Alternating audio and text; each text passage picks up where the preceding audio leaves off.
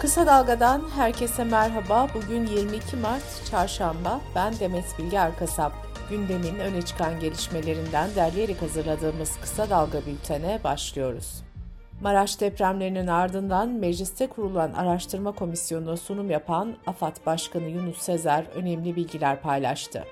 Sezer'in verdiği bilgilere göre deprem bölgesinde 2 milyon 4276 kişi çadırda, 40 bin 788 kişi de konteynerde yaşıyor.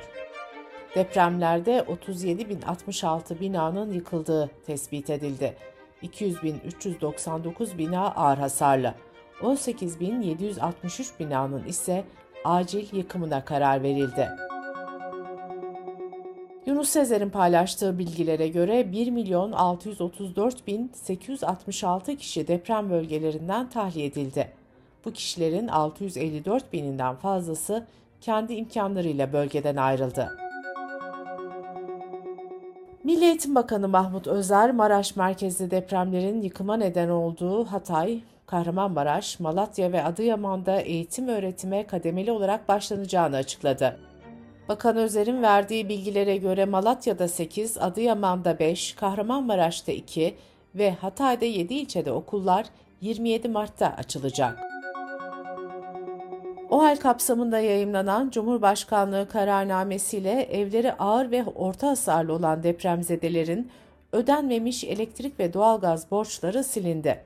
Silinen fatura borçlarına yönelik dava ve icra takibi de sona erdi. Yüksek Seçim Kurulu'nun 14 Mayıs için hazırladığı seçim takvimi işlemeye devam ediyor.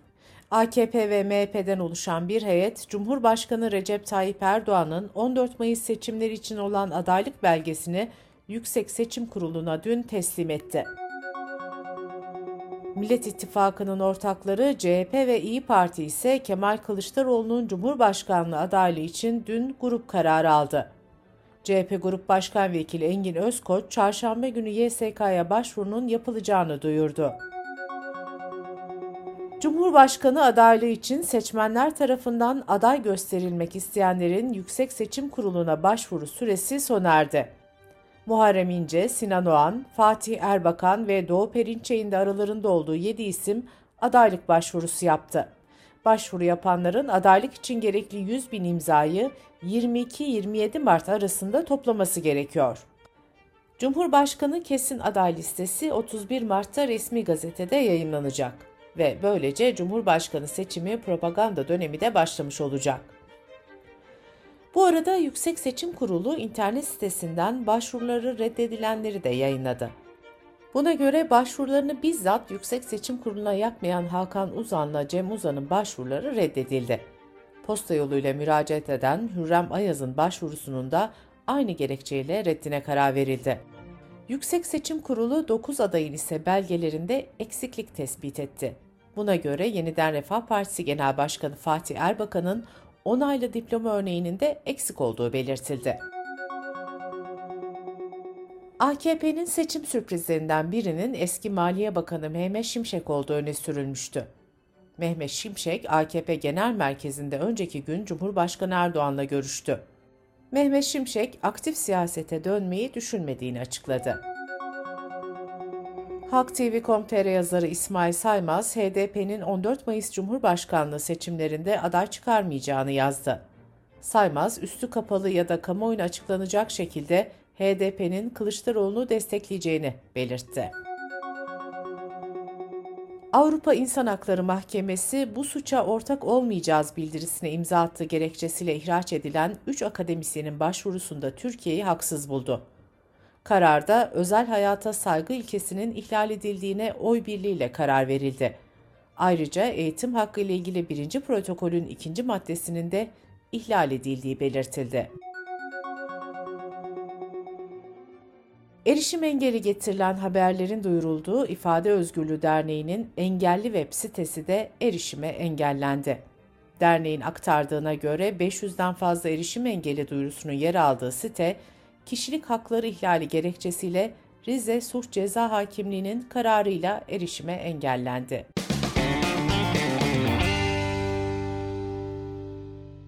Kısa Dalga Bülten'de sırada ekonomi haberleri var.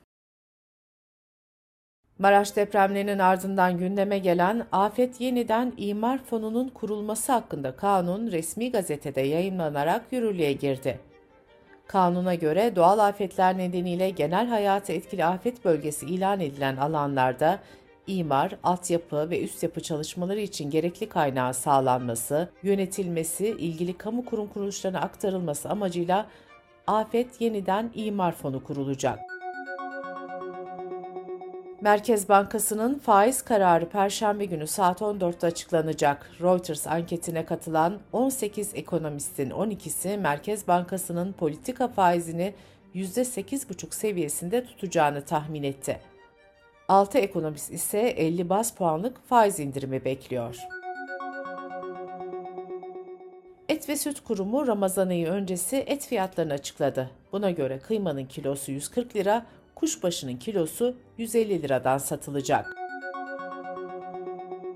Türkiye İstatistik Kurumu tarımsal girdi fiyat endeksini açıkladı. Buna göre endeks 2023 Ocak ayında yıllık %95.99, aylık %6.24 oranında arttı. Dış politika ve dünyadan gelişmelerle bültenimize devam ediyoruz. Avrupa Birliği Komisyonu ve AB Konseyi dönem başkanı İsveç'in Türkiye ve Suriye'de depremlerden etkilenen bölgelere destek sağlamak için düzenlediği konferansta 7 milyar euro toplandı. Dışişleri Bakanı Mevlüt Çavuşoğlu, konferansa 65 ülke, 26 uluslararası teşkilat ve finans kuruluşunun katıldığını belirtti. Amerika Birleşik Devletleri de 6 Şubat'ta meydana gelen Maraş merkezli depremlerden etkilenenler için ek 50 milyon dolar yardım yapacağını bildirdi. Rusya Dışişleri Bakan Yardımcısı Bogdanov, Rusya, Türkiye, İran ve Suriye Dışişleri Bakan Yardımcılarının katılacağı dörtlü görüşmenin bazı ortakların hazır olmaması nedeniyle ertelendiğini söyledi.